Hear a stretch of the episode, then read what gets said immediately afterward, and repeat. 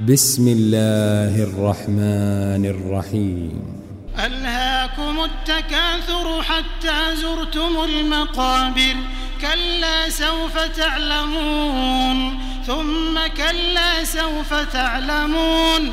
كلا لو تعلمون علم اليقين لترون الجحيم. ثم لترونها عين اليقين. لتسألن يومئذ عن النار.